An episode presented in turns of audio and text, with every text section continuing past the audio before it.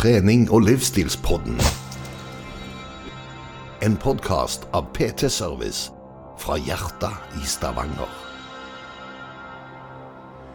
Der, vet du. Hei og velkommen til trening- og livsstilspodden med meg, Lloyd Georg Færøvik, og Jeg har lyst til å si coach Anders, men eh, det er ikke helt der ennå. Men jeg har fått noe sånn der eh, litt ekstra som gjør at eh, jeg har ikke noe coachrolle eller noe sånt. Men jeg har blitt spurt om råd.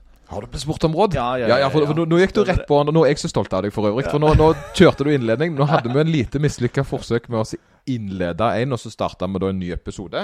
Nå ser det ut som alt er i orden med mikrofonen og sånn som det, og nå fikk du virkelig kjørt på her. Knallbra. Stemmer det. Kameraet fikk switche over før jeg var ferdig med setningen og alt. Helt vakkert. Det er vakkert, altså. Ja, ja. Så jeg er ikke på coachnivå ennå, men jeg tror bare jeg bruker det for det om. For Ja, jeg, har gitt, jeg har gitt et råd en eller annen gang. Du har gitt et råd, og, og, coach du kan, å coache noen betyr jo egentlig bare å hjelpe dem. Sånn sett. Jeg tror ikke det er en beskytta tittel uh, i det store og det hele. Ja. Jeg, altså, er det noe som er beskytta sånn sett, da? Det er noen som mener det, men, uh, Ja, men er eh, det noen som kaller seg coach som egentlig ikke burde?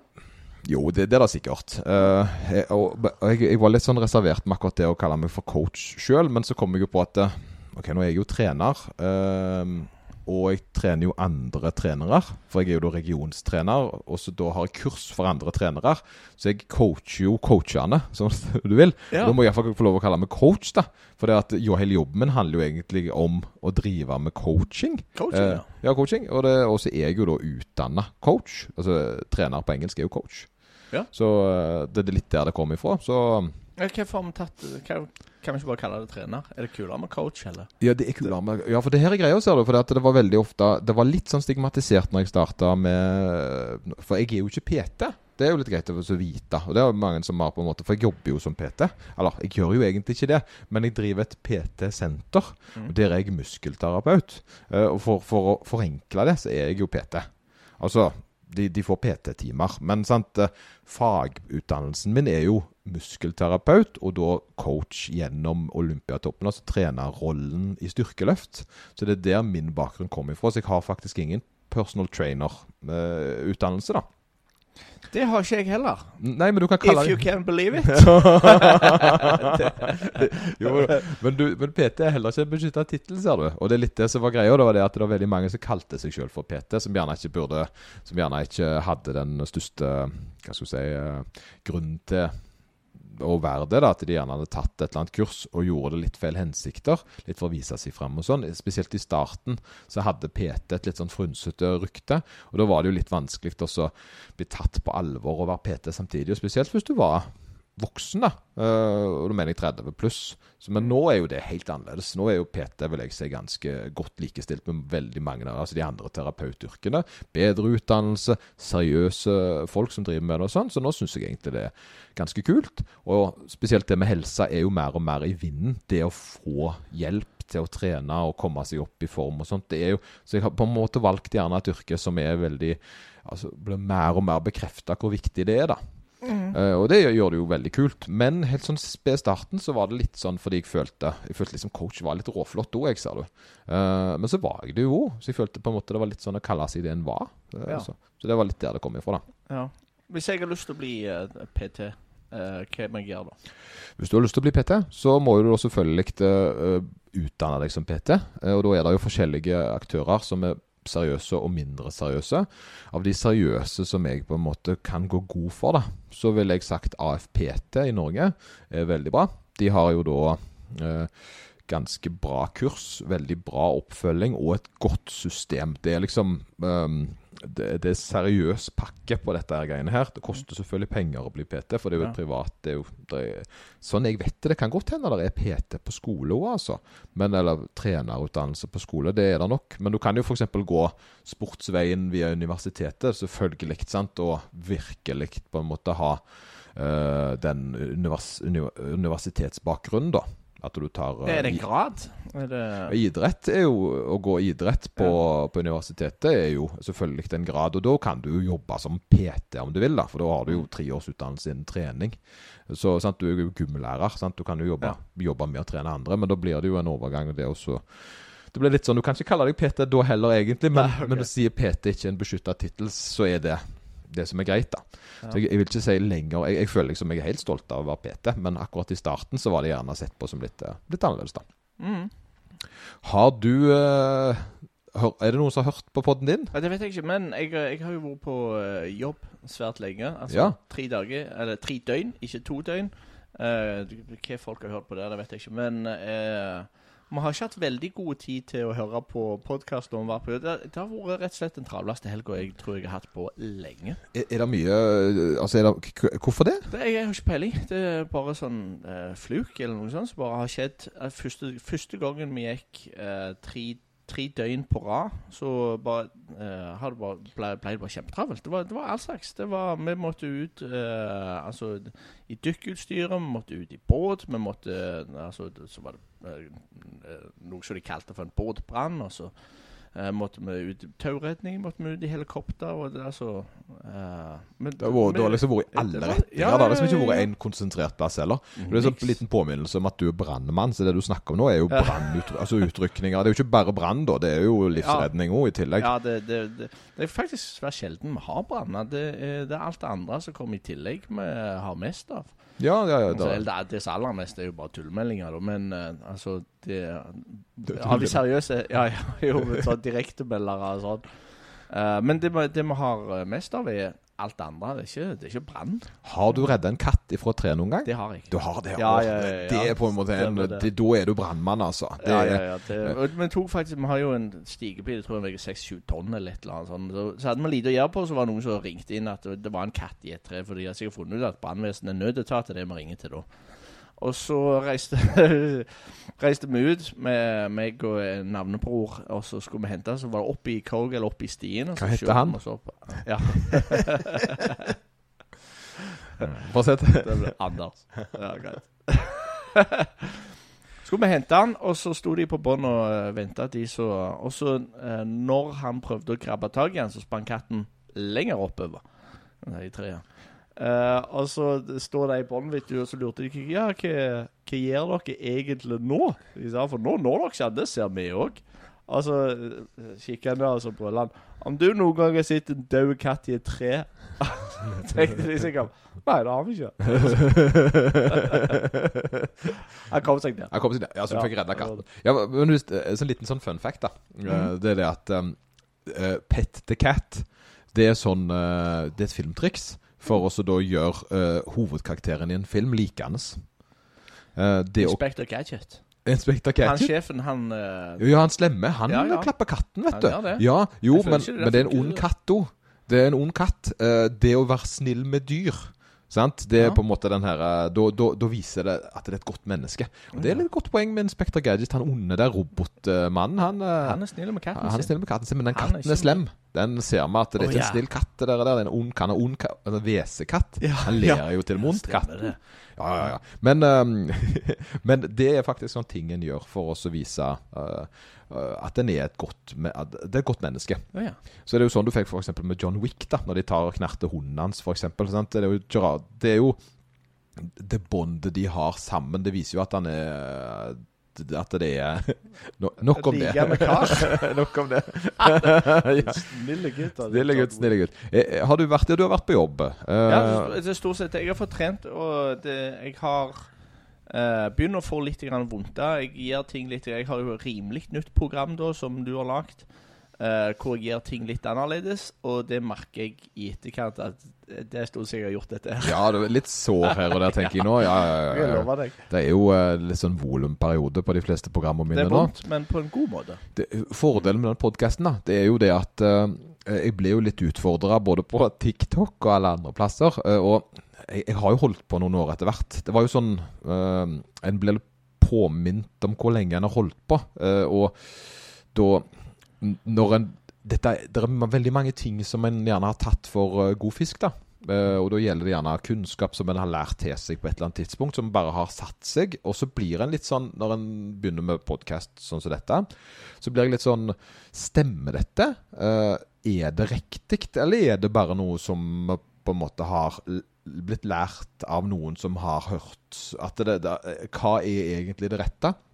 Og da blir det jo litt sånn at de temaene vi snakker om, da, da går jeg alltid litt i alltid litt i um, eh, inn i eteren, og så sjekker jeg opp før vi skal snakke om spesielle temaer, og så fordyper meg litt. Og stort sett så er det riktig det jeg allerede, men så får jeg litt sånn tilleggsinformasjon, og så får jeg lufta litt gammel kunnskap opp til overflaten. For det er jo det som skjer ofte, at når du har holdt på gjerne si 20 år med dette, da, så, så, så, så mister du mye av det første.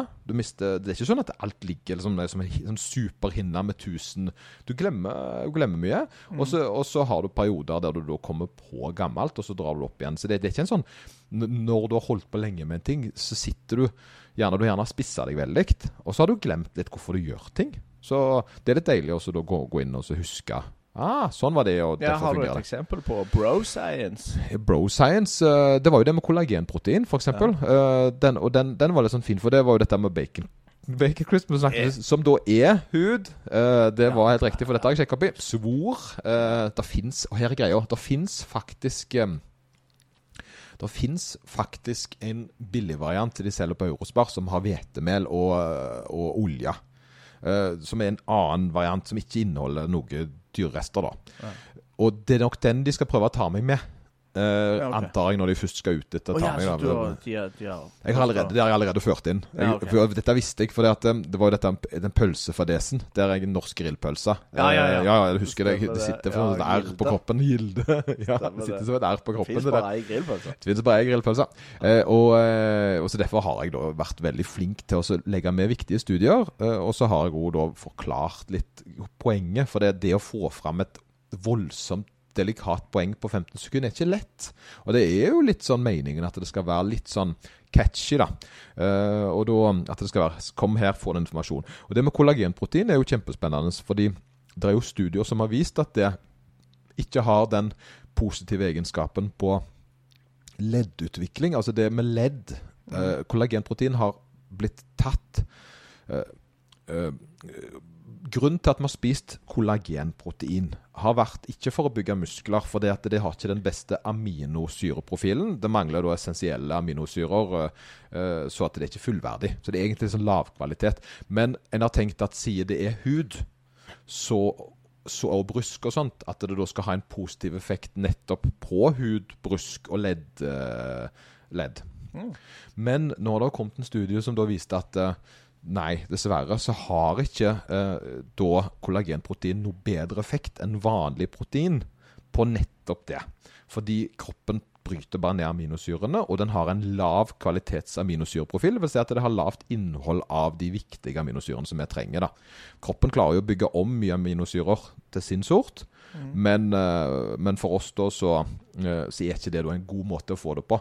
Det er bedre å egentlig faktisk ha styrketrening på ligamenter, hvis du har ledd og leddbånd og sånt, og ta proteintilskudd har samme effekten som da å ta styrketrening og ta kollagen.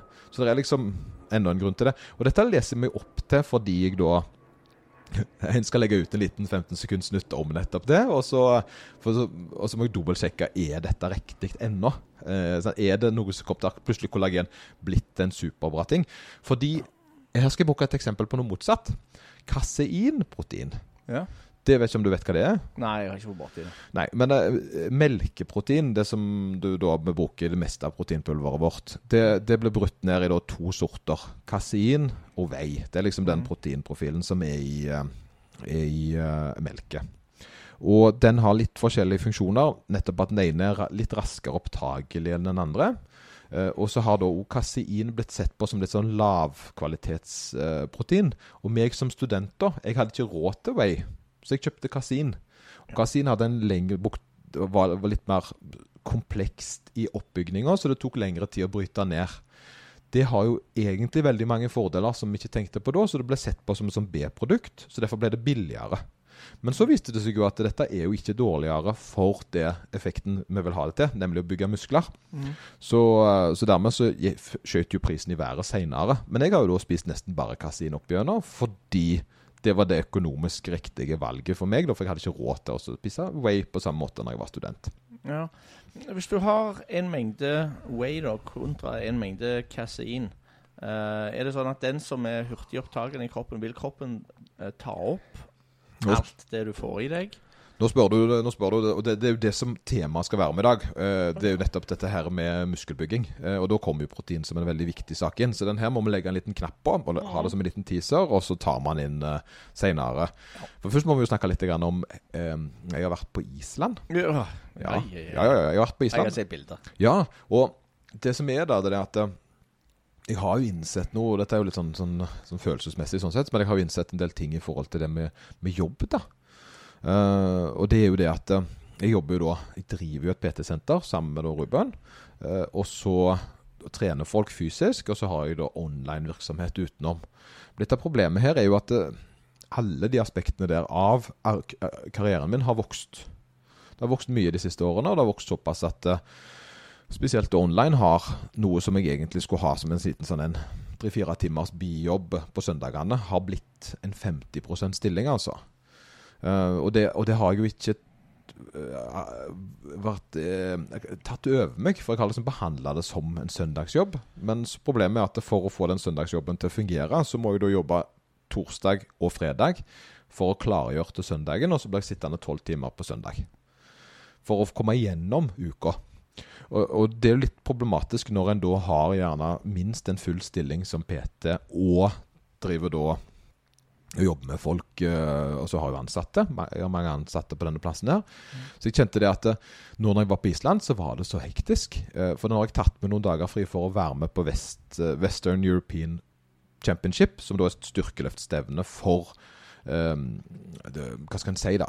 Det er gjerne det som er det høyeste rankerte stevnet for de som ikke er på landslag, men òg for landslag. Det er landslagsløftere som er med. Men dette er nest, de, de nesten beste i verden som er med, eller ikke i verden, da, i Western European. Ja. Sant? Så, da, så det var et eh, veldig kult stevne. Og da, da driver jeg jo med det som er lidenskapen min, nemlig styrketrening der. Men samtidig så har jeg da jobbet som bare det, for å prøve å dekke unna og fylle opp de på online. Og så har jeg da tatt meg fri ulønna ifra den tredje jobben min. Eh, For jeg får jo ikke lønn for å være med til på Island, da. Nei.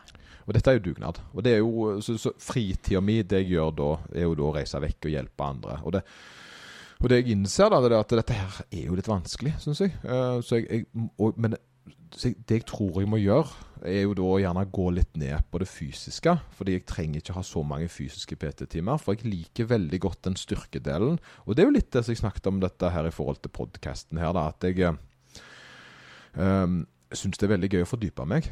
Og jeg har jo holdt på såpass lenge nå at uh, det er jo naturlig gjerne å bli litt spesialist i feltet sitt. Og kanskje en er blitt det når en er med på VM og, og EM og sånt som coach. da. At en er gjerne litt spissa. Jeg vil jo gjerne påstå det. Ja. Det betyr ikke at jeg bare skal jobbe med det, for det tror jeg er dumt. Men jeg tror jeg må gjøre en liten endring i måten jeg lever på, altså. Mm. Fordi det er, det, det er såpass hektisk at mellom jobb og uh, sånn som bankett, Mm. så hadde jeg, rakk jeg så vidt å dusje, for jeg måtte lage programmer. Såpass, Ja. Uh, og, og sånn skal det jo ikke være. Jeg tenker jo at det, det kommer etter hvert til å gå utover kvaliteten av et eller annet av det du leverer. Ja, og Det, Hvis du bare pakker på deg arbeid i det uendelige, så får du såpass mye arbeid. Og du, du trenger så mange timer for å gjøre et bra produkt her, og du trenger så mange timer for å gjøre et bra, bra produkt der. Hvis du korter inn på de timene for å få plass til mest mulig arbeidsoppgaver, så tenker jeg at da blir kvantiteten høyere, men jeg tror at kvaliteten vil kanskje synke litt. Ja, ja og, og det er det som jeg er redd for, jeg òg. For det, at det blir jo til at folk blir Ikke nødvendigvis glemt, da, men at det blir jo da Og litt andre her, det er jo litt det som jeg har gjort litt bevisst, det er jo det at jeg lager programoppfølging. Og så har jeg da um, i seinere tid begynt med coaching ved siden av. For jeg ser jo det at uh, en må differensiere det litt. Og så de som jeg gjerne har trent før, må jeg på en måte forklare at uh, betaler du meg eh, for et treningsprogram, så er det gjerne ikke rettferdig at du skal forvente å bli fullt coacha i tillegg. Fordi den tida der jeg bruker på, på det, vil ikke være rettferdig. Eh, det, og det, så det har jeg da begynt å legge føringer på, sånn at jeg da kan gjerne jobbe litt mer sp- spesialretta mot det, og ha mindre timer på det. Så det har vært en sånn en, eh, helg med mye åpenbaringer, spesielt da fordi det har vært såpass hektisk at dette ser jeg er Det er ikke, nå har jeg holdt på Det er ikke langvarig, sier men jeg har holdt på såpass mange år nå Ja, ja. at, at det nok må være nok, da. Og det ser jeg samme ser med den fysiske jobben, at jeg, jeg, kan, ikke, jeg kan ikke ha så mange PT-timer som jeg har hatt. Hvordan går dette utover fysikken din? Ja, altså Eh, det er vel første gang, første gang nå de siste månedene at jeg har slitt litt med Kall det å trene, da. Eh, Da er jeg gjerne nede i en tolv treningsøkter i uka. ja, nei, nei. Du er gal. nei, nei, altså um, Nå på Island så har jeg da hatt gåturer som trening, fordi det har ikke vært tid til noe annet. Uh, og da mener jeg med tid fordi uh, svetter jeg, så må jeg dusje. Det er ikke innlagt tid til det. Ja. Så, så det er såpass. Uh, og, og det, og men jeg, jeg, jeg har en regel at jeg skal trene hver dag. Mm. Eh, og det minste jeg gjør, er da 25 minutter med gange, som ikke da er til jobb, eller hva det måtte være. At det er en spesiell grunn. Det er sånn jeg, jeg tar ikke med sykling til jobb som trening, Uh, så lenge jeg ikke tar en omtur, da. Ja. Uh, så da blir det det at jeg skal trene minimum eh, det hver dag, og så skal jeg helst da drive på med satsinger. Men så har jeg jo heldigvis hatt mindre trening nå etter uh, Rockman. Det var jo meninga at jeg skulle trappe meg gradvis opp igjen, og det har jeg jo gjort. Mm. Uh, Jeg har fortsatt vondt i akilles for øvrig, men jeg har økt volumet på løping og fikk en kjempefin tur på Island. Ja. Men uh, nok om meg. Eh, det det handler om, var jo nettopp det. Jeg, jeg har vært på Island og hjulpet veldig sterke folk. Uh, folk som har fått det veldig bra til, og de aller aller fleste hadde et fantastisk bra stevne. Som uh, meg, Amund og som heter Marte, var med og hjalp gjennom for å gjennomføre dette. Da Og da sitter en jo igjen med en del sånn inntrykk. Og så skulle vi snakke om noe spennende i dag. Mhm. Vi skulle snakke om muskelbygging. Mhm. Eh, og da spesielt beretta litt mot kosthold og mat og eh, de tingene som dreier seg om å Ja, og selve treninga. Altså. Hvordan trener du best mulig for ikke nødvendigvis å bli sterkest mulig, men for å det altså bygge. Ja, for det er en liten defin definisjonsforskjell der. Og det var det, dette, derfor, jeg kjørte det med vest, eh, at jeg har vært på Island først og hjulpet Mm. styrkeløftere. Fordi det er en liten forskjell på styrke og maks muskelvekst. Eh, og det det handler om her for en uh, styrkeløfter, er jo å løfte mest mulig innenfor en gitt vektklasse. Uh, og det for problemet er gjerne er det at hvis en bygger seg større og blir tyngre, så ender en da opp i en høyere vektklasse, der gjerne konkurransen er større da. Og det kan en gjerne gjøre hvis en trener seg systematisk opp over lang tid, så vil en mest sannsynlig da gå opp i vekt fordi en har mer muskler enn en, når en starter reisen. Men hvis en gjør det altfor fort, så vil en ende opp med å ikke ha så mye mer muskler, men veie mer, fordi en har en, da, eh, en fettmasse som er høyere. Og det er jo litt det som er temaet her. Det er jo da hvordan skal en da gjøre det for optimal muskelbygging? Eller eh, som en styrkeløfter, er litt forskjellig. Så det er egentlig bare å fyre løs første spørsmål. Eh, Har du noe på lur? Jo, nei, altså trening, det er periodisering eller trening. Uh, antall reps, antall sett. uh, for igjen ikke nødvendigvis å bli sterkest mulig, men for å bygge mest mulig muskler. Så det, da tenker jeg uh, Beachbody 2024 eller Ja, hvis, Ja. Vil, altså hvis målet ditt nå, Anders, skal være å bygge mest mulig muskler framover, så må du ha en, da, en positiv protein-nettbalanse i muskelvevet ditt.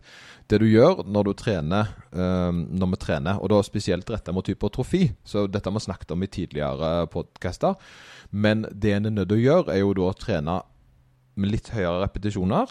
Um, da mellom 8 og 12 gjerne, som ser ut som en sånn fin plass å være på. På isolasjonsøvelser. Uh, og, og gjerne og baseøvelser, selvfølgelig. Det er litt sånn Nå skal ikke jeg si én setning som skal definere alt her, men vi kan begynne med å forme denne podden litt med å fortelle det at hvis du skal bygge mest mulig muskler, så du, er det en fordel å ha litt høyere repetisjonsantall, fordi du skal nærmere opp mot failure. Du skal trene nærmere mot utmattelse i muskelvevet ditt, der kroppen da har fått såpass, altså muskelen du skal trene, har fått såpass mye motstand at den blir sliten, skikkelig sliten. Eh, Hvis jeg da trener eh, tar nærmere 30 reps, så er jeg jo enda nærmere failure. Ja, hvis du kan, og her er greia, og den er litt fin, for det, nå hopper, da hopper over til et annet tema. fordi hvis du kan ta 30 reps, så er, og du er nærme deg, og du kjører til failure, så har det ca. lik effekt. Men, det er, øh, men problemet er bare det at en øvelse som du gjerne gjør 30 reps på øhm, det er ikke så lett å finne en sånn øvelse som er perfekt. Uh, for eksempel så kan du ta armhevinger.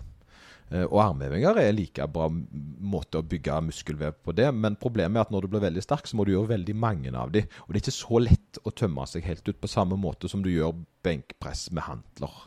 Fordi det er lettere å, å, å, å bli sliten fordi belastningen er tyngre, og at du kommer nærmere på kortere repetisjoner. Hvis du skal gjøre ja, 30 er ikke gjerne altfor mye, men hvis du skal gjøre 60-70-80 repetisjoner i luftbøy, så er, vil du mest sannsynlig stoppe lenge før du har nådd den fatiguen som du vil ha for mest mulig uh, hypertrofi. da. Mm. Så Derfor er det da optimalt å drive med, uh, med, en øvelse som Og det trenger ikke være med vekter, ser du. For det spiller ingen rolle. Og det er jo en annen studie som er litt kul, der, som viser det at uh, før har vi alltid sagt knebøy, benkpress og markløft er de ultimate øvelsene. Men ja, sant, det er liksom ja. løfte med stang. Det er det som er mannemann. Mm -hmm. Men hvis du kjører beinpress, da, f.eks., uh, så får du samme utmattelse eller hypertrofi i musklene som du gjør eh, de samme musklene som blir aktivert, selvfølgelig, som du gjør knebøy. Så ting, e, eneste forskjellen er at du selvfølgelig ikke blir spesialisert i knebøy. Ja, men jeg ser for meg òg at eh, altså, når vi snakker om altså, eh, leg extension og leg curl, da, eksempel, så det er vel mer å, med å aktivere spesielt en eller et par muskler. Det blir isolasjonsmuskler, ja. ikke sant? Og det, er det som er greia. Men knebøy har ikke Den trener hele kroppen, men hvis målet for hy er hypotrofi, å bygge muskler, så har du jo en spesifikk muskel du gjerne har lyst til å bygge. Det er jo det, da, da handler det jo litt om estetikken i det hele. At du targeter visse muskelgrupper. da. Selvfølgelig sier jeg ikke at du ikke skal gjøre knebøy, men at du kan da gjerne fokusere litt mer på isolasjonsdelen for å bygge opp eh, bak. Så, og leg extension har da den samme utviklingen på quads hvis du da kjører til lik mengde fatigue. Og dette var noe jeg ikke visste før. Mm. Jeg er jeg har da alltid vært eh, lært på den måten at knebøy har visse hormonelle effekter som, eh, med nervesystemet og alt sånn, som er umulig å eh, gjenta med isolasjonsøvelser. Men dette viser seg da at i nyere forskning og ikke stemmer helt, da. Selv om jeg har studier som viser det at hvis du, at du har høyere nivå av te fritt testosteron hvis du kjører tunge øvelser. Men det handler jo nettopp det, å løfte tungt. Det er, det, det er, jo det, som du skal bli sliten. Mm. Så hvis du ikke gjør, tar deg skikkelig ut, så får du ikke den muskelutviklingen som du ønsker. Så hvis målet ditt da er å øke tverrsnitt på muskelen din, at det blir større, så må du nærmere failure for da å få den effekten. Og da er det lurere å ikke trene altfor tungt. Uh, fordi, som snakket før, at hvis du skal ha, ha tre repetisjoner og tar bare to, så har du gjerne egentlig 66% av de tre. Mm. Mens hvis du tar 11 istedenfor 12, så er du såpass nær prosentmessig maks. Ja. Så det er en bedre måte å treffe det på. Og så er det lettere å slite seg ut på 12 enn 40. Mm. For det, tar, det, blir altså mentalt tungt ja. å gjøre det. Så du vil finne den øvelsen som da får deg til å ligge mellom de repetisjonene der, og så skal du presse deg mest mulig ut. Men så OK, vi det, da. Kjempekult at du da kjører nærmere failure da får muskelen en reaksjon. Han blir jo fortalt egentlig at dette er du ikke god nok på. Du, ble, du er jo, du er jo ut, du er oppbrukt. Mm. Da må en sant, eh, gjøre det riktige. Hvordan bygger en muskler? Jo, eh, en sliter de først ut. Eh, og når de da har fått Og det er ikke bare det, for sciencen er litt sånn ja, uh, vi er ikke 100% sikre på hva som gjør det, men vi er ganske sikre på følgende. Når du da har tatt deg helt ut på et sett med f.eks. bicep curl, så har du da skapt små rifter i muskel, uh, musklene, mener de. Sant? Sammen med det så skjer det òg en del hormonelle ting, som da forteller kroppen at uh, de må sette satellittreseptorer forskjellig til det området for å forsterke og gjøre det bedre til neste gang. Og For det så trenger du da en positiv protein eh, et positivt proteininntak. Så du må da spise proteiner, sånn at kroppen har nok byggesteiner til å bygge nettopp sterkere enn sist. Hvor mye? Og hvor mye er jo da eh, stjernespørsmålet, Anders. Det mest skumle spørsmålet en kan stille i hele verden. Fordi det, For her er det mye meninger. og problemet er det at uh, der er så mye misforståelser rundt hvor mye proteiner du skal ha, fordi eh, eh en skal da vite hva når skal en ha disse forskjellige mengdene proteiner. Og her hører du bare tenåringsgutter komme nærmere. For det at nå skal de ta meg. Det, jeg kjenner ja. bare på den, da. Men uh, når jeg da leser studier, som jeg har lest som en gal for å svare på det, så, så sier det det at for voksne eh, adults, uh, så, så er en fin plass å legge seg 1,6 til 2 gram proteiner per kilo kroppsvekt. Og det er da Men tingen er det at Husk det, folkens. Dette er da for uh, Hvis du ikke skal i underskudd. For det er litt viktig å huske på. Hvis du skal i underskudd, så skal du høyere. Sant? Og Det er den lille detaljen. Det er at Du kan gå opp til 3 gram proteiner hvis målet ditt er eh, at du skal bygge, eller du skal ligge i underskudd. Hvis du skal da deffe, om du vil, så kan du øke proteininntaket ditt opp til 3 gram. Mm. Før da- Inkludert måltid. Inkludert uh, måltid. Ja, ja, altså 3 gram per eh, At du f.eks. veier 100 kilo, så blir det opp til 300 gram protein. Dette er da under et eh, negativt kaloribalanse. For det at du vil at eh, har i kroppen nok næring via protein. Så, og så, ok, det, er- Her er det mye greier. Uh, så vi må liksom bryte det litt opp her, for det jeg føler på en måte uh, Det er sånn viktig info, fordi det finnes forskjellige måter å bygge muskler på. Og alt handler om følgende. Du skal da slite ut musklene dine, Uh, og det skal du gjøre med å trene de ganske tungt. Eh, Og så skal du gi dem nok proteiner til at de klarer å bygge seg opp igjen. Og den ultimate mengden der er litt i forhold til hva vei du har valgt å reise. Og der kan være for eksempel, da, så kan du gjøre, gjøre en uh, body recomp recomposition. Altså det vil si at du, du veier 100 kilo, uh, og du vil ned i fettprosent, men opp i muskelmasse. For det går an. Eh, Du kan endre eh, da fysikken din uten å gå opp eller ned i vekt. Men du gjør, ikke, du gjør ikke fett om til muskler, for det går ikke an. Men du kan fjerne fett og få mer muskler med å øke proteininnholdet i næringen din. Da vil kroppen automatisk øke protein, eh, altså muskel, den fettfrie massen på kroppen din, samtidig som du gjerne veier det samme. da. Så du gjør egentlig en kroppsendring uten å endre kroppsvekt. Så det går an. Eh, en har alltid lært at en skal være i kalorioverskudd for å bygge muskler, men faktisk så kan du ligge i kaloriunderskudd og fortsatt bygge muskler. Det er masse studier som viser det, men jo lavere fettprosent du har, jo vanskeligere er det. Og jo lavere fettprosent du har, jo høyere må du ligge på proteinene i forhold. Men det var en studie som viste uh, var det spesielt på overvektige kvinner at de bygde muskler selv om de var i ganske heftig kaloriunderskudd, så lenge de fikk nok proteiner. Så stikkordet her er protein, protein, protein. Mm. Det er det som er greia. Skal du bygge muskler, så er det to viktige ting du skal huske på. Trene tungt, spise proteiner. Er det, og er det greit med kosttilskudd? Er det greit med proteinpulver? Jepp. Jeg tro. Helt fint. Det er ingenting som sier at du må tygge det, men selvfølgelig så har det masse fine fordeler. Spesielt hvis du er i kaloriunderskudd, det å spise proteiner. Fordi spiser du protein istedenfor å drikke det, så holder det deg mett lengre, fordi du får masse andre da eh, sosiale faktorer, det å tygge, at det kjennes i magesekken, alle disse andre følelsene som gjør det lettere for deg å få det skikkelig til. da. Ja, Hvis du har tenkt å ligge i underskudd, så teller vel òg proteinene som eh, eh, kalorier når du drikker det òg? Ja, det er helt likt der, altså. Det er så så fire kalorier. Altså, egentlig, helt egentlig, så, så er det 3,2 kalorier per gram protein, ikke 4, fordi kroppen har en termisk effekt. Den er nødt til å bryte det om hvis den skal bruke det som energi. Og Det som en må huske på, det er at eh, hvordan kan en bygge muskler og være i underskudd, da? Den er litt rar. Hvordan er det det fungerer? Jo, øh, ja, kroppen er ikke i underskudd. Misforstå meg rett. Innerst i kroppen så er han ikke kaloriunderskudd. Det som er underskudd, det som skjer hvis at du spiser nok proteiner, men likevel ligger i kaloriunderskudd, så er du får i deg de 200 ka- gramma du skal ha til dagen, men du spiser ikke nok karbohydrater til å fylle opp den totale kaloribalansen din, så ligger ikke kroppen i underskudd direkte. Fettet ditt ligger i underskudd.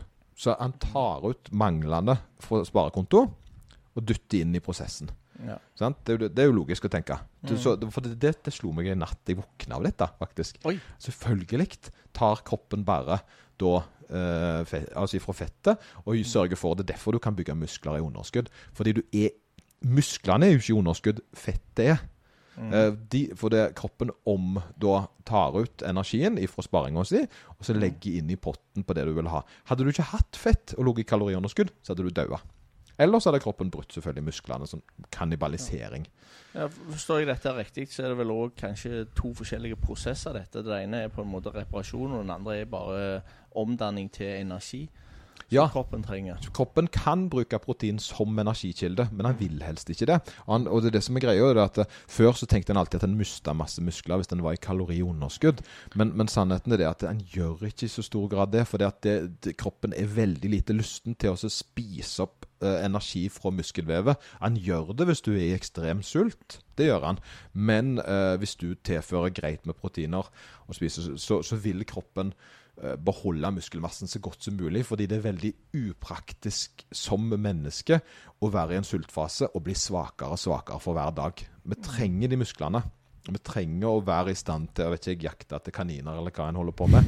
Eh, at, en, at, en har, at en beholder muskelmassen så godt det går, da. Men kroppen kan bruke det som energikilde. Og samme er når en får protein som, eh, som næring, så vil en helst bruke det som byggsteiner for musklene sine. En vil helst ikke bruke det som eh, brennkilde.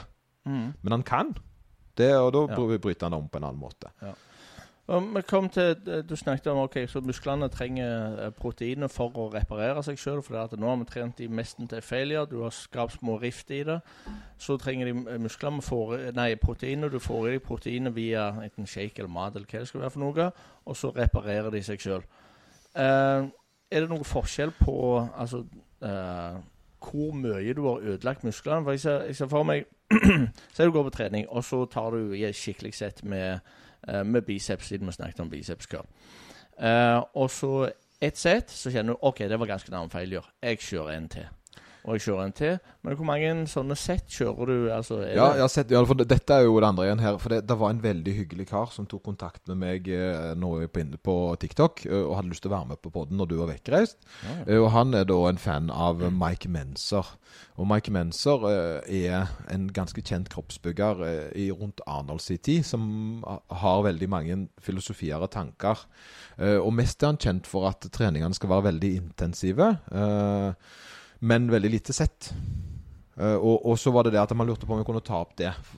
For det er det Mike Menser mener, det er at en skal da gjerne ha ett sett, et toppsett, utenom litt oppvarming først, som skal kjøres helt ad undas. Helt til failure. Så egentlig ett sett, da. Eh, og så om det er bra måte å gjøre det på. Og nå har jo på en måte studier kommet og så vist at eh, en skal ligge ganske nær. En skal ikke gå helt til failure, men en kan gå ganske nær. Sånn, det viser seg at mellom én og to rir, eller én ekte rir ifra, er bedre nesten enn å gå helt eh, i dørken. Eh, Men for de aller aller fleste så har de ikke kommet så langt når de gir seg. Det er jo det som er greia. Så at når vi kaller failure egentlig, så har folk lagt seg opp. Det er veldig vanskelig for de å legge i eh, å ta seg sånn ut, da. At folk trener ikke så tungt at de er til failure. De ligger egentlig gjerne altfor langt bak den reps i reserven som da en gjerne skal ligge. Men Mike Manson mener at hvis du da klarer på ekte å kjøre deg helt ut, og da mener han det liksom Hans hardnakka teori er at hvis du går all in og bare gutser på og gønner på, så er det den beste måten å trene på. Eh, problemet er bare det at eh, når jeg da skulle sjekke opp i dette For jeg hadde lyst til å komme med litt gode nyheter. Fordi det burde jo stemme overens med, eh, med hypotrofidelen, at den skal trenes tungt. da. Så sier studien at eh, du må ha litt volum i tillegg. Eh, at du har framgang, ja, med ett sett. Men eh, de som hadde ett sett hadde mindre framgang enn de som hadde og da mener jeg gjerne 12-20, hadde gjerne mindre framgang enn de som lå høyere i volum.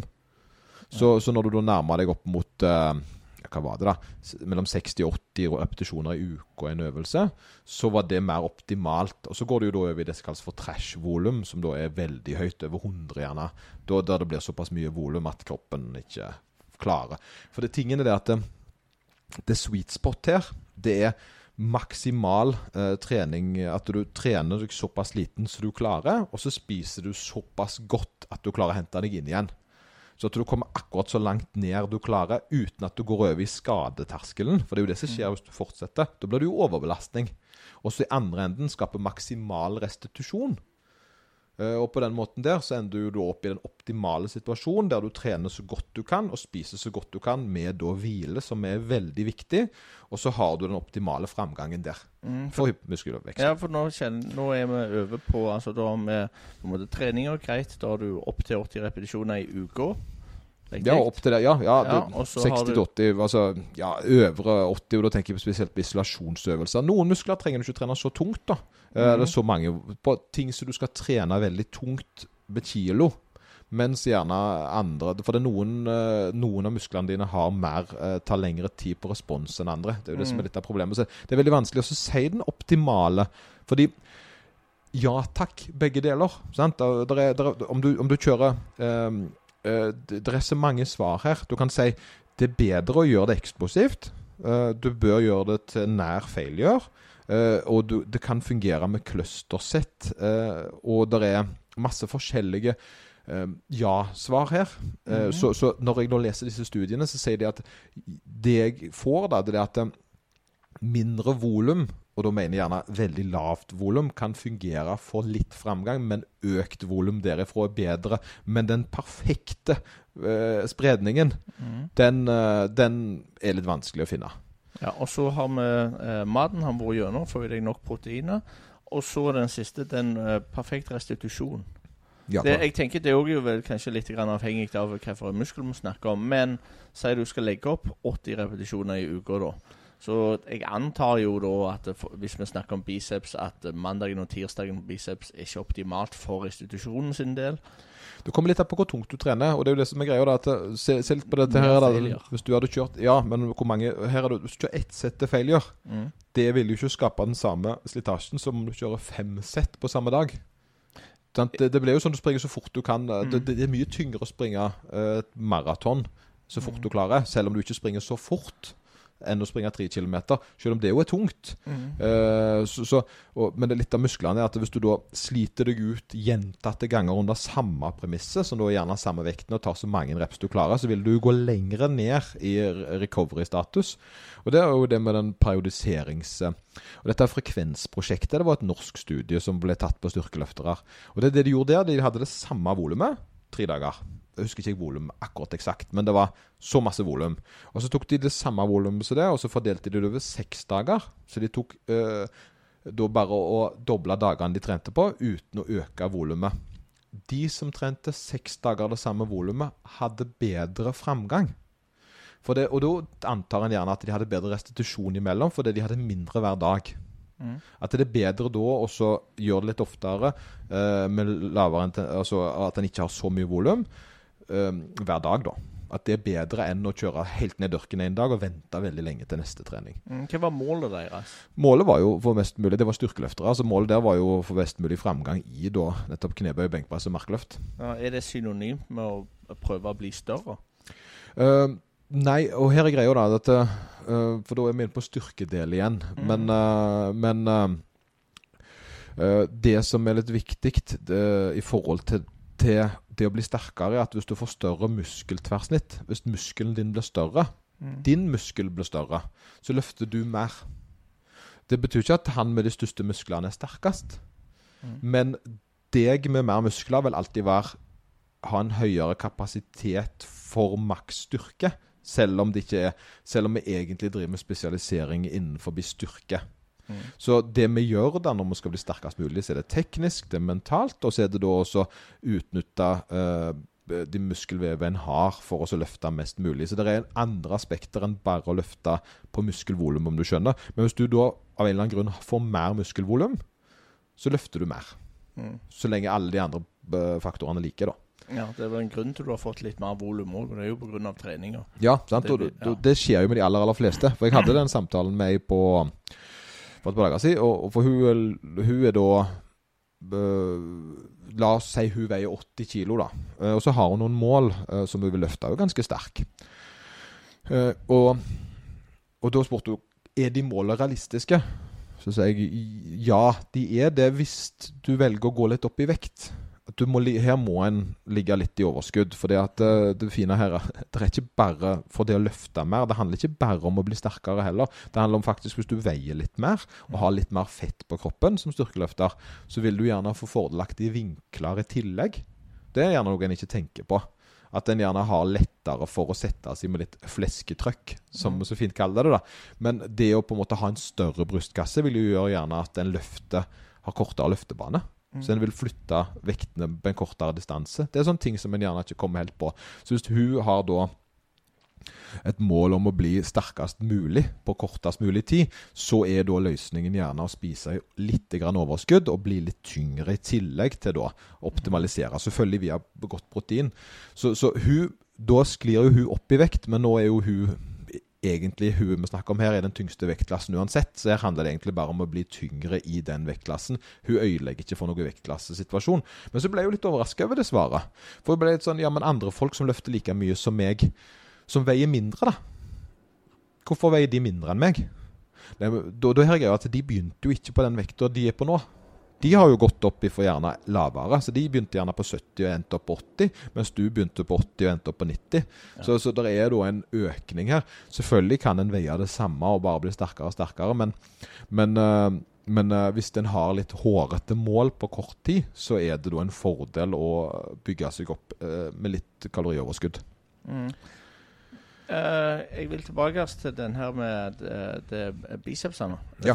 Ja, fyr en bissa, du. Fyr en bissa. Ja. Så lenge jeg får lov å snakke litt om hvor mye kalorioverskudd senere. ja, ja, ja. Det må vi ta. Ja, jo, jo. Ja, Det, det er helt greit. Men eh, for, for nå Altså, vi har snakket om protein og maten, og så sa vi det at eh, 80 repetisjoner Kan du dele det altså i La oss bare ta ti da, som et enkelt tall. Åtte sett, ja. ja. Over flere dager. Åtte sett over hvor mange dager? Nei, det ble jo Vanligvis så tenker vi jo en periode som ei uke, da. Ja. Så det er jo ei uke vi tenker dette på. Men, jo, men du, du, så snakket vi tidligere òg om én per dag, cirka. Eller, men, sånn, ja. Ja, jo, ja, sånn, ja. ja jo Um, uh, ja, for du tenker bare biceps nå. Jeg tenker jo Ja, ja. helhetlig, sant. Ja, Vi Eh, kan snakke litt om det andre òg. Ja, jeg ville jo ikke trent biceps hver dag. Det ville en jo ikke gjort. Men Nei. en kan gjerne ha nok eh, tid imellom til, som en tar og trener. Jeg, jeg personlig ville nok trent biceps to ganger i uka, og heller hatt fordelt det volum over to. Men det betyr ikke at en ikke har god framgang på biceps hvis en gjør det på én dag og har en bicepsøkt. Ja. Eh, men sånn i forhold til frekvensprosjekter og disse tingene som en link viser til her, så er det bedre å dele det opp og skape litt mindre stress eh, per gang. Og, og her er det, det nok stress til at kroppen gir en uh, recovery-respons, men ikke så mye at, uh, det, at det går utover ting. Det er vel det som er greia. ja, ok. Så, så jeg ville sjøl gjerne delt det opp litt, bare for for å tenke det. Men tingen er at du indirekte bruker disse musklene ganske mye i andre ting. Det, det, det at du trener biceps, f.eks. Det, du, det gjør du jo i nedtrekk. Du gjør jo det i roing, du gjør det i markløft. Så er den muskelen involvert. I alle dragøvelser er biceps involvert, og i alle push-øvelser, som benkpress, skulderpress og alt sånt, er triceps involvert. Så du vil jo involvere disse musklene. Det er jo derfor jeg hører liksom ofte at folk gjerne ikke vil ha Jeg syns det er så dumt å kjøre dips etter benk, fordi da klarer de ikke så mange dips. Men det er jo naturlig, for da har du allerede pre-exhausta. Du har allerede slitt deg ut med å trene de musklene i, i benken. Det betyr jo ikke at resultatet ditt til slutt er dårligere, fordi du har jo allerede trent et sett mengde i benken. nå. Men andre muskler, da, så eh, er det noe som ikke trenger Altså, Så du kan ta mer enn to ganger i uka? Ja, Altså, si, la oss si 80 repetisjoner, da. Ja, og ikke lås deg så veldig på 80. Nei. Det er veldig viktig. For jeg vil ikke være det 80 mann her. Eh, jeg vil ikke det. for, det for det problemet som jeg sier, det er at men, men mer volum enn for lite. Uh, tilbake til Mike Menser her, da, bare for å beskytte litt denne greia. Det, det at han har jo da gjerne ett hovedsett, men han har to oppvarmingssett. Men så har han flere øvelser på samme muskelgruppe. Så han har egentlig litt mer volum enn gjerne ett sett, som gjerne han feilaktig blir eh, Så når jeg ser treningsprogrammet han lager, så ser jeg ikke noe galt i de, for de inneholder gjerne først si beinpress, da, og så har de beinspark etterpå, som da er en tilleggsøvelse for kvadriceps, og så har han da øvelser gjerne for legge han etter der igjen. Så han har jo egentlig ikke bare ett sett. Men en kan slippe unna med å gjøre et sett og fortsatt få framgang hvis en har veldig dårlig tid. Det må en huske på. Eh, men for optimalt her snakker vi hva er det som gir den beste resultatet i forhold til forskningen, så er det da å ligge litt høyere på volum. Som da gjerne bryter litt med den eh, filosofien om at ett sett er nok. Men igjen, Mike Menzer gjør jo ikke det. Jeg syns han har veldig mye kult for øvrig, som viser seg å være mer og mer sant eh, etter oh, ja. hvert som um, Men så har vi det lille, lille problemet, da. Og det må jeg ta opp. For det at dette er et, det et problem som gjerne ikke um, Jeg har jo respekt for det Arnold og de har fått til, uh, og de kroppsbyggerne har fått til, og det er jo ingen tvil om at de har kunnskap. Men uh, det er jo heller ikke hemmelig at de bruker steroider. Eh, og hva gjør steroider, da? Der er det jo litt sånn artig. En, en studie jo ut nettopp som viser det at eh, det, Og det, det er veldig sjeldent du har studier som går på folk som bruker eh, steroider eller narkotika, for det, det er ikke lov med mennesketester. Men her var det, har de gjort en test der, da. Og det de fant ut da, det var det at du tok de ei gruppe som trente, uh, ei gruppe som ikke trente, men brukte steroider, og ei gruppe som trente med steroider. Og det som er greia her, det er at eh, den gruppa som uh, ikke trente, men brukte steroider, hadde Jeg mener det var opptil tre ganger bedre resultat i muskelvekst enn de som trente. Ja. Og her kom, Det setter jo litt grann, uh, en sånn en demper på dette her med at du må trene i tillegg. Hvis du sammenligner deg med dopingfrie utøvere, da, så nei, du må ikke det. Du får faktisk bedre resultat enn en dopingfri uten å trene. Og de som trente og brukte steroider, de hadde jo et ekstremt uh, mye høyere nivå. Og det her snakker vi gjerne at folk som bruker mye steroider, klarer å pakke på seg 30 kilo mer muskler enn folk som ikke doper seg. Og det er absurd mye muskler, altså. Ja, ja. Så, så, så, så sammenligna med andre som bruker steroider, så må en på en måte legge Det må en legge litt til bunns i dette. Fordi at eh, litt av problemet her er at veldig mye av disse eh, tankene og filosofiene kom jo fra et, eh, en tidsalder der det var veldig vanlig å bruke steroider. Så hvor effektivt er det for dopingfrie mennesker? Det er jo det en må på en måte tenke litt på. En må legge litt av det sløret over. Hva er egentlig riktig å gjøre hvis en ikke doper seg? Fordi det sånn- Men jeg føler igjen at det er veldig vanlig å dytte vekk all kunnskap til verdens beste kroppsbyggere nettopp fordi de har dopa seg. Og det syns jeg er litt feil, for en må lære litt grann uansett. En må kunne lære litt grann selv om en ikke respekterer deres valg. Den, jeg synes, men det er formidlende så lenge de åpner om det. Det syns jeg er det. At de, de sier sjøl 'jeg doper meg, og derfor er det sånn'. Det er formildende for meg. Da har de tatt en vei, og de har valgt en vei, og de står ikke i veien for dopingfrie utøvere.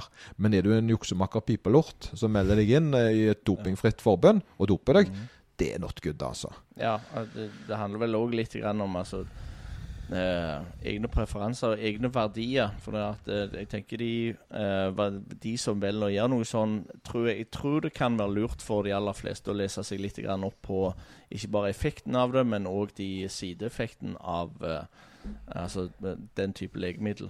Ja, og, der, er- det, og det er jo en annen ting, men det er veldig vanskelig å, å overtale en ungdom til å fortelle. For dette var en sånn historie som jeg husker, jeg husker det sjøl, ser du. Eh, det var det at jeg vi hadde sånn antidopingkampanje mot steroider når jeg gikk på ungdomsskolen. Eh, og det er jo mange år siden. Eh, så allerede da, da snakker vi på tidlig 90-tallet, så var det eh, fokus mot doping. Og da var det det at doping gjorde tissen din mindre. Tissevanten din mindre. Det var argumentet de brukte. Dette var en kampanje som de kjørte. Hva er det verste du kan se for deg? Eh, at tissen blir mindre. Ja, tissen ble mindre. Ja, sant, og det brukte de som en skremselspropaganda. Ja, jeg ser det. Men, men, men problemet er jo det at det stemmer jo ikke. Testiklene blir mindre under bruken, og så da går det reversibelt tilbake til til det fine til vars der. Testikkel til vars. så, så etter bruk, sant. For de fleste. Det hender jo faktisk at de ikke får uh, testosteronproduksjonen i gang skikkelig igjen etterpå. jeg har jo faktisk jobb på sykehus. Jeg jobbet på hjerte-kar og endokrine eh, en Ja. liten stund. Og det, jeg tror aldri jeg så noen av den gjengen her med eh, Altså, Det var, ikke det, det var ikke derfor de var inne på sykehuset. Nei, nei, det var sånn. ikke små tissefanter. Nei, det var Det kan godt være. Ja, men det var ikke jeg nede og så Nei, nei, men problemet det at Her er greia at jeg, jeg skjønner jo den. Uh, jeg skjønner jo den, men, men problemet når du går høyt ut og så sier du 'Å, ikke bruk steroider for tissen din blir mindre', og så er ikke det rett. Det er løgn. Ja. Så har du ødelagt din egen kampanje, fordi ungdommen er jo ikke dum. Da er de litt sånn 'Å, de lyver, ja'. Ja, men hovedargumentet deres for at vi ikke skal bruke det, er tull og tøys. Plutselig så har de en Det er nesten så de får en litt ekstra spark bak for å begynne med. Det vil jeg våge å påstå, da. Fordi de føler seg litt lurt. Ja, men på, bare vent litt nå. For det at uh, Skal vi se oi, oi. Nei, la oss Altså uh, uh, Tror du tidsfanten blir større? Nei. Nei, for da at eh, det, kroppen kommer til å vokse enormt. Ja, sånn, ja. Ja, ja, ja. ja, ja. Sånn at han kommer til å se ganske mye mindre ut etter hvert. Ja, ja, ja, det er godt Så poeng. i Det er godt poeng. forhold- Ja, i forhold, ja. ja. Ja, ja, ja, ja, ja. ja men centimeter altså, Her er det målbånd, det er jeg ganske sikker Ja, på. ok, altså. Her, nei, jeg, jeg tror de det- fleste jeg tror det er gutterom har et ja, faktisk. kan, Hadde det vært det, så hadde de jo ikke Men, men igjen, det er et sånn eh, argument vil du, Skjønner du? Det, det, det er et argument som er litt vanskelig å overtale en tenåringshjerne. Den liten Ja, ja, ja. reptilhjerne der. Det. Eh, du får så store muskler at tissen din ser mindre ut. Den vil være like stor. Eh, men, eh, men eh, det vil bare ikke være Så, og, og, og, så det Men var det finnes reelle argument òg som gjør at det, helseeffekten av det trenger ikke å være helt på topp. Eller Nei, og det er jo, og, det er jo et mye bedre argument. Det er jo dette her med Men jeg tror faktisk at en skal, en skal fri til ungdommen på den rette måten her, og så sier det at det er ikke veldig lurt for helsa di, og så er det heller gjerne at du vil føle deg Du vil ikke føle uh, Så lenge du gjør det for å hevde deg Det, det er feil måte å hevde, hevde seg på, da. Uh, hvis, det, du har syk, hvis du har dårlig selvbilde og sånt, så er ikke dette en løsning som fungerer. Jeg tror ikke heller det er en varig løsning. Nei, for de aller aller fleste som gjerne begynner med steroider, gjør det ofte pga. de usikre ønsker å være å ha noe At de, den, at de, har, at de vil ha et bedre selvbilde. Og, og jeg kan forstå hvor de kommer fra der.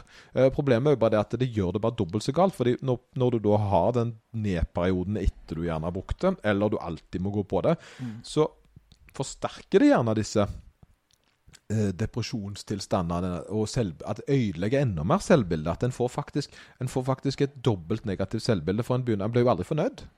Eh, for det er ikke der problemet ligger. Det er litt sånn, så- sant? Det, det, Problemet ligger egentlig en litt annen plass. Det ligger i mellom ørene. Og at en må jobbe med seg sjøl der og skape mestring og vite at en er god. At en er noe, og at en ikke da trenger å ty til sånt. Og jeg tror det er det, For ungdommen er ikke dumme, vet du. De er kjempesmarte. Og jeg tror det å være ærlig med dem og si det, er mye bedre enn å så lyge til dem og si at tissen din blir mindre, på en måte. For det, sant? det, det funker ikke, da. Um, så, så litt om det, da. Uh, men hvor var vi hen? Jo, muskelbygging. Jo, uh, vi var om uh, For litt av problemet her er at en blir da farga av folk med store muskler. Uh, og så er uh, det litt vrient fordi uh, det er veldig lett å lytte til noen som har tilsynelatende fått det til. Men hvis de er da dopa, så har ikke de samme spillereglene som deg. Og det, det er den ene grunnen. Og det andre er at hvis de er da dopa, og en faktisk ikke trenger å trene og skape resultat, så trenger de ikke trene rett engang for å få resultatet sitt. Så lenge de sammenlignes med vanlige, da. Men de blir gjerne til den beste kroppsbyggeren, for den beste kroppsbyggeren igjen, han er jo den personen som da trener best innenfor rammene med steroider og alt. Og det er jo en helt annen kunst igjen. Så en sier ikke det at det ikke er imponerende, om du vil, det de får til de beste i verden. Selv om det ikke er bra for de. Nei, jeg, det jeg gjør Altså Hvis du har lyst til å ofre alt, sånn som de gjør for uh, å nå sitt mål, så de konkurrerer jo egentlig på likt nivå. De gjør jo det. andre. De gjør jo det. Og, det, derfor, og, det, og nå forsto jeg at de, skulle, de skal vel starte Det er et forbund som skal starte som dopingforbund, der det er lov å bruke. Åh, uh, ja da. Det Ja, blir spørre Hva tenker deg 100-meteren? Ja. Du ser det ikke engang. De må gjøre 200-meteren bare for at du skal få det med deg. Det er verdens korteste. Ja, ja. Nei, det, og, det, og det er litt av eh. Så det, det er de på med å jobbe med, da, at de skal rett og slett gi det en arena. Men jeg, jeg tror gjerne problemet der er at det kan oppbille litt til bruk. Eh, at det er eh, Ikke litt, da. At de plutselig får en plass å vise seg fram, og så blir det jo da For, for greia der, det skal de da tillate all bruk. For da blir det en konkurranse i hvem som bruker mest. For her er en sånn historie jeg hørte. Det var en som skrøt uh, av hvor sterk han var i benken uh, en gang. Og han var notorisk kjent doper som ikke ville innrømme det. Det var en norsk en. Og da var det en annen som sa det at ikke engang på høyeste dose. og det, da føler jeg liksom Game over! Ser du Ja. det? det liksom, ikke bare har du ikke gjort det, men du hadde ikke gjort det om du brukte alt i verden en gang. det var liksom virkelig satt bein under føttene. Så, da, så det er litt sånt uh, slemt. Men, men Ja. sant, da. Men for, altså, det, det er jo negativt i den forstand at hvis flere uh, gjør det, så det, det har jo helsekost. Altså ikke helsekost, men det har en 100%. kostnad. Det har en kost- helsekost, ja. Og, Og, Så hvis du får flere til å gjøre det, så er jo ikke det spesielt bra for deg. Men hvis de er villige til å ofre alt for å bli nummer én på, for den gjengen der ja, liksom- Problemet er bare at de er gjerne i en situasjon der de ikke skjønner hva de ofrer ennå, for de har ikke levd livet ennå. Det er jo det som er når du begynner 20 og tenker Vet du hva, jeg gir vel faen i når jeg er 40. Så, Ja. så, så er det berømte siste ord, hvis du skjønner da. Ja, ja. Det er veldig vanskelig å tenke seg at um,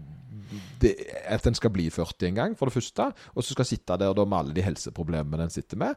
Det tror jeg ikke er noe som er veldig lett å forholde seg til. Så må, jeg, jeg føler Det er litt det der sunnhetsaspektet. Spis sunt, fordi da er du sunn som gammel, er ikke et godt argument. Nei. Du, du må treffe dem på nåtid, og så bygge opp problemer og fjerne problemer, eller grunnen til at de velger å tenke de baner nå. Ikke Ja. si det er lurt for om 20 år. Fordi hvem er det som tenker pensjon når de er tenåring, da? Det er ingen som gjør det. Nei. Og det er litt av greia, tror jeg, at den er, den er ærlig og fair og ser de rett inn i øynene og forklarer de nå-situasjonen. Du trenger hjelp med noe annet. Men jeg, jeg, jeg tror det handler litt grann om det der sosiale mediet òg. For hva er det vi ser, og hva er det vi blir presentert? Det er jo denne gjengen som fortsatt egentlig klarer seg rimelig greit. Ja. Men du ser ikke de andre. Nei, Altså nei. De som plutselig ikke klarer seg greit lenger. Eh, de, tar ikke bilder fra sykesenga, de. Og så, «Hei, nå. Nei, nei og, men så er det jo det at det er veldig mange utrolig dyktige uh, Utrolig dyktige uh, folk som har fått det til. Problemet er bare at du legger ikke merke til dem før de er nådd toppen. Mm. Og det er jo det som skjer med folk. Det er at de har, Du har gjerne den personen som da har holdt på i eh, 15 år. da Og så plutselig så begynner de å bli større enn normalen. Plutselig. Mm. Etter 15 år. Eh, og, og, og det er veldig vanskelig å akseptere det at det er en bakgrunn her. Og Det samme var jo med hun som spurte meg ja, ja, hva med de som løfter mindre enn meg. Ja, men du ser på de nå. Du ser ikke reisen deres. Og reisen din er ett og et halvt år. Deres Mm. reise kan være ti år. Så det er, skal du sammenligne det med noen, så må du jo gå i skoene deres da. Ja, ja. Og det er jo det som er det, at jeg er blitt klok av den reisen jeg har hatt. Og veldig mange av de utøverne jeg hjalp på Island, de har jo ikke blitt sterke i år.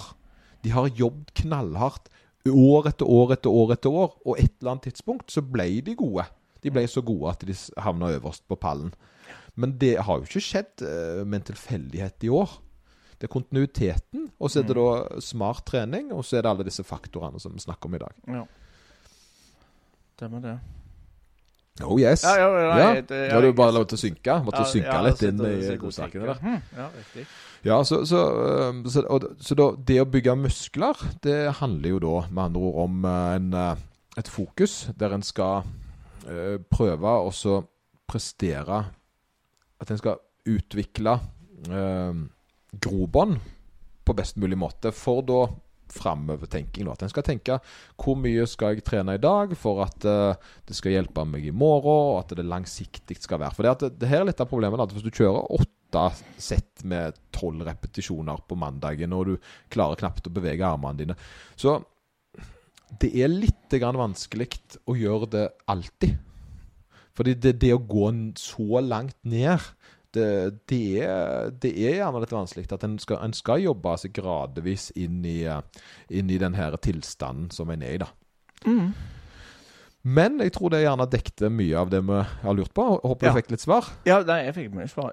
Nå, eh, jeg spør liksom ikke bare for meg sjøl, jeg håper jeg spør for litt andre òg. det, det. Men jeg, jeg vet at nå skal du snart til, til tannlegen. Mm -hmm. uh, men uh, men det var, var det en liten ting jeg skulle snakke Ja, det var om? kalorioverskudd. Ja, for den vil jeg ta med bare kjapt. Mm. Det er Ja, ja, lite minutt, og så er vi avrunder Mm. med. Eh, for det som er der, det er at OK er det bare å gønne på det.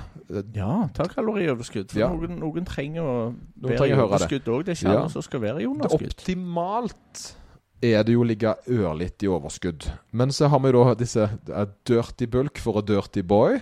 At folk på en måte spiser seg opp veldig. Hvor mye kan en vokse, da? Hvor fort kan en vokse? Og Da er det en studie som ikke er publisi publisert ennå. Den sier det at det var ingen forskjell på 5% kalorioverskudd i forhold til kroppsvekt, og 15 i forhold til styrke og, kropps, altså, og hypertrofi. Ja. Men de som hadde 15, de la på seg mer fett. Så det har faktisk eh, ingenting for seg å ligge veldig høyt på kaloriene. Det vil ikke hjelpe deg noe annet enn å ligge i, da, i få nok proteiner inn, som vi har lært. Og da ligger et ørlite kalorioverskudd for å sørge for optimale forhold. Fordi der er jo den andre tingen. Hvis du ligger i et veldig kaloriunderskudd, så blir du, er det tyngre for deg å ta deg ut. Fordi du er mentalt ikke er så Du har ikke overskudd. Så, så den perfekte sweet spoten for å bygge muskler er altså å ligge i et ørlite overskudd. Bygge, bygge seg bitte litt tyngre i en periode. uh, samtidig som du, du har, et, har et overskudd som du får tatt ut på trening. Og legger nærmere failure og spiser nok proteiner. Og nok proteiner er rett i underkant av to gram for folk flest. Hvis du da ikke skal ekstrembulke eller ekstrem i underskudd, der kan du gå opp til tre før nyrene da begynner å si at dette var med masse. Dette var masse, sier. Ikke at det er farlig, da, men det er der på en måte den friskhetsgreia er. Men, eh, men da har vi svart på det meste. Er det bare å si takk for i dag, Anders? Yes! Tusen takk. Takk. Vær så god, Ja, ja, og tusen takk uh, sjøl for, go for godt, uh, gode spørsmål. Ja, ja, ja, ja men vi må få flere av dem. Ja, flere av dem. Ja. Eh, lik og del, lik og del, folkens. Der er en som har gjetta hva eh, bandet Anders uh, er i. Uh, ja, ja, ja, ja, ja. Mm. Det det. Så det, men, eh, men vi sier ikke noe mer enn det. Ha det godt, Anders. Hei, hei, hei.